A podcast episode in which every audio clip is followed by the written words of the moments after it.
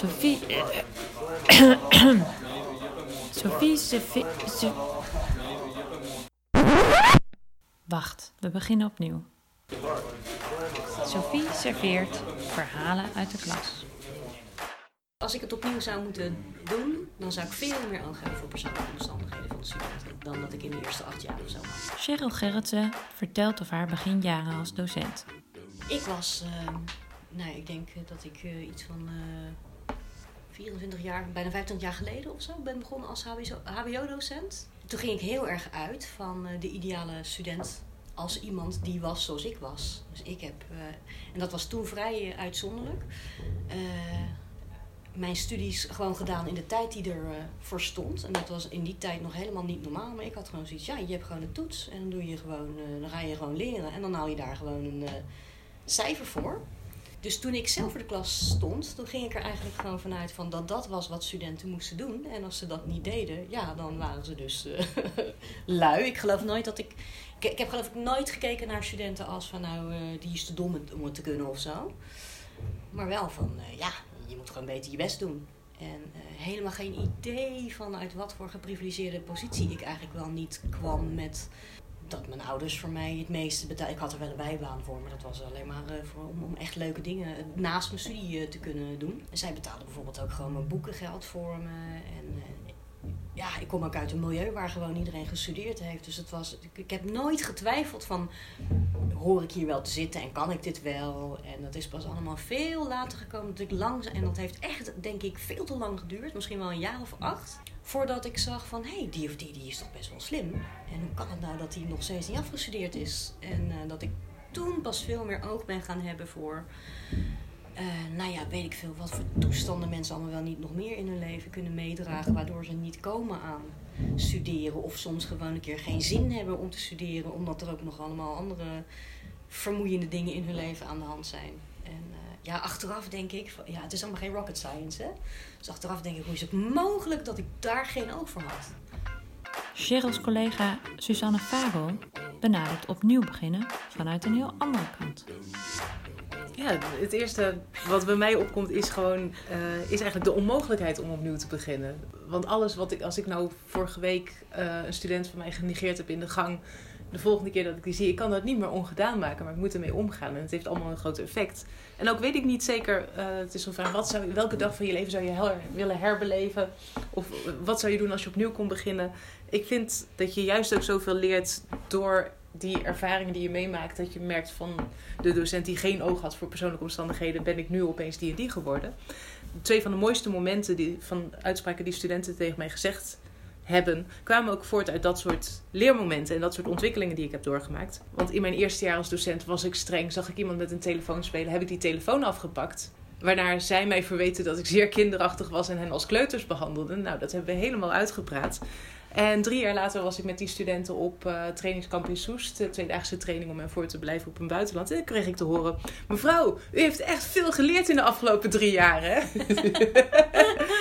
Nou ja, en na drie jaar is dus uiteindelijk ook mijn relatie met die klas hersteld. Want die hebben mij nog gewoon minstens twee jaar gewoon een hele vervelende docent gevonden. We hebben elkaar niet zoveel meer gezien, maar die hebben nog steeds dat imago gehad. En in Soest kwamen ze me weer tegen.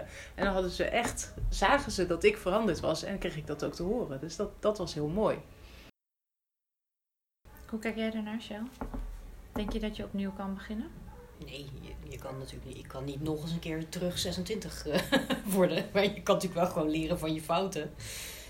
Ja, en experimenteren met andere uh, aanpakken. Toch? Dat zijn we aan onze stand uh, verplicht. Ik denk ook dat je een goed voorbeeld geeft aan studenten wanneer je dat transparant maakt. Dus dat je ook echt gewoon open kan zeggen: sorry, dit is een soort ander uitstapje. Maar dat, toevallig is dat iets wat ik heel belangrijk vind. Dat je gewoon zegt: joh, ik heb het de vorige keer zo stom aangepakt. Ja. En ik heb nu het idee dat eigenlijk dit en dat speelde, klopt dat? En dan. En mijn ervaring is dat dat een hele effectieve manier is om een relatie met iemand te bouwen. Dus niet alleen geef je het goede voorbeeld van je fouten maken mag als je het later maar weer recht uh, breidt. Uh,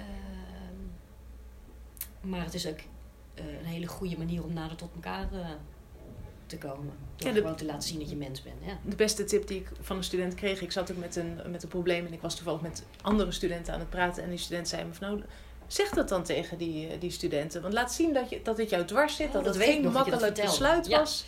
Eh, en dat heb ik ook daadwerkelijk gedaan. En ik zag gewoon de opluchting, opluchting op het gezicht van die studenten verschijnen. Van, oh, inderdaad. Het was niet gewoon, bam, de docent neemt een besluit. Maar het heeft er ook nog dwars gezeten. Het was heel moeilijk en we snappen het nu beter. En er is meer begrip voor elkaar. En het kan alleen maar door die moeilijke momenten te doorleven en er wat mee te doen. Ja, je kan weer verder met elkaar doorheen deur. Ja. In plaats van dat de relatie weg is. Ja, het is leuk om succesverhalen te delen en daar leer je ook van en daar kun je ook anderen enthousiast mee maken. Maar je moet niet die pijnlijke dingen eh, onder het tapijt schuiven of het er niet. Je moet het ook juist daarover hebben, naar de oppervlakte brengen, want anders ga je je vanuit schaamte eh, ga je het verbergen en eh, ziet niemand dat dat juist ook hele belangrijke leermomenten zijn. Dus meer openheid over negatieve emoties of over twijfels eh, naar collega's toe, maar ook naar studenten toe vind ik heel belangrijk. En is dat moeilijk, makkelijk?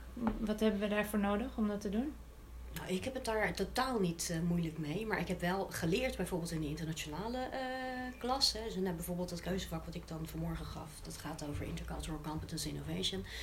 Eh, waarbij ik juist studenten, eh, internationale studenten uitnodig om eh, mee te doen. Dat is leuk, kunnen ze van elkaar leren. En dat lukt niet altijd even goed dat het ook echt internationale klassen zijn, maar nu toevallig wel. Maar ik heb daar ook bij geleerd dat het wel heel belangrijk is om ook daar weer transparant over te zijn. Dus om uit te leggen dat bijvoorbeeld kwetsbaarheid laten zien ook tot op zekere hoogte cultureel bepaald kan zijn. Dus je kan niet zomaar mensen onvoorbereid. Je kan niet zomaar met je billen bloot gaan op een onvoorbereide manier voor eh, een klas met internationale studenten. Omdat sommige studenten zich heel ongemakkelijk erbij zullen voelen als jij. eh, Nou, ik heb trouwens vanmorgen heb ik, eh, twee verhalen gedeeld over. Want, want dat was het, het thema. Het ging over. Sociaal-psychologische mechanismen van, van uitsluiting in multicultural group work, omdat ze dat dus moeten doen. En daarna moesten ze een mini-essay schrijven van, eh, van 300 woorden, waarin ze hun ervaring met één van die dingen eh, moesten ze schrijven aan mij. En toevallig zaten er, nou niet geheel toevallig, maar er zaten heel veel hele mooie kwetsbare eh, dingen in. En bij sommige mensen niet. Dus die hielden het heel erg op abstra- abstracte beschouwingen van wat bijvoorbeeld etnocentrisme is, of wat bijvoorbeeld tokenisme is. Maar die verbonden dat niet aan dat ze er zelf wel eens een keer slachtoffer van waren geworden. Of hoe ze zelf wel eens iets vervelends hebben gedaan ten gevolge van bijvoorbeeld etnocentrisme of zo. En eh, toen, dus toen heb ik uitgelegd van ja, het is wel belangrijk om dat eerst onder ogen te komen. Voordat je het kan vermijden om dat in de toekomst eh, te doen. Maar ik zeg ja, ik kan me ook voorstellen dat jullie misschien eh, dat moeilijk zouden vinden om dat met een docent eh, eh, te delen. En, eh, dus ik zal zelf even twee lullige voorbeelden geven. Nou, dat heb ik gedaan. Dus ik heb twee hele lullige voorbeelden over, nou ja, racistische dingen die ik ooit een keer heb gedaan. elke keer. En vanmorgen dus ook weer. Nu weer, als ik aan denk, dan word ik weer rood. Omdat, ik me omdat het gewoon zo lullig is. Eh, maar ik heb dus wel expres gezegd van waarom ik me zo kwetsbaar opstelde. Omdat, de- nee, omdat dat de enige manier is om, eh, om dat soort mechanismen te doorbreken. Als je eerst even onder ogen komt dat je zelf ook wel eens fouten maakt op dat gebied. Ja, maar het is best ingewikkeld om te bepalen wanneer moet ik mijzelf als autoriteit presenteren en Ja. gewoon de kennis in huis hebben. Wanneer moet ik eh, me kwetsbaar opstellen, maar het juist niet zeggen. Want eh, bijvoorbeeld in mijn geval, soms kom ik te streng en te hard over. Dus dan laat ik dat soort vuilbaarheidsdingetjes zien zonder uit te leggen waarom ik het doe. Want dan ziet men van, oh, ik ben niet zo streng als ik lijk, maar ik ben ook een gewoon mens.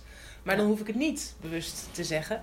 En zeker ook met internationale studenten, dan is het heel belangrijk om te laten zien: ik doe nu dit om deze reden. Ja. Want dan ben je nog steeds de autoriteit, eh, maar laat je ook die kwetsbaarheid zien. Dus, maar Ja. dat spel, Ja. constant erover na moeten denken, dat is best ingewikkeld.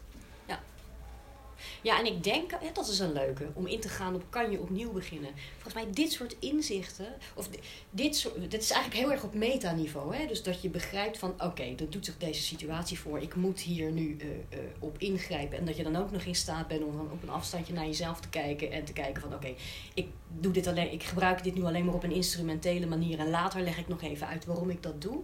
Dat, dat had ik ook allemaal niet gekund toen ik 26 was. Ik had die inzichten gewoon helemaal niet. En ook nog die zelfkennis niet op dat moment, om dat überhaupt allemaal op die manier op te, eh, op te labelen, zeg maar. Iets, eh, als laatste iets anders. Vragen wij wel eens aan studenten om opnieuw te beginnen? Ik vind dat het de houding, de, dat je die houding als docent moet aanleren. Van kijk, ook al heeft die student vorige les iets gedaan waar ik me mateloos aan irriteer. Als hij nu weer door de deur komt, moet ik kijken of ik die irritatie ergens opzij kan zetten.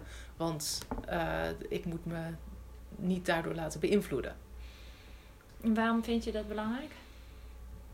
Omdat het heel makkelijk is om een, gekleurd, om een gekleurd beeld te krijgen van studenten op basis van hele onzinnige dingen die ze één keer doen. Gewoon de vooroordelen en stereotyperingen die zitten automatisch ingebakken.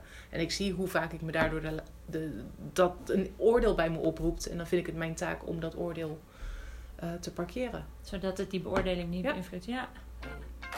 Dus we kunnen niet opnieuw beginnen en we moeten elke les opnieuw beginnen. Ja, ja.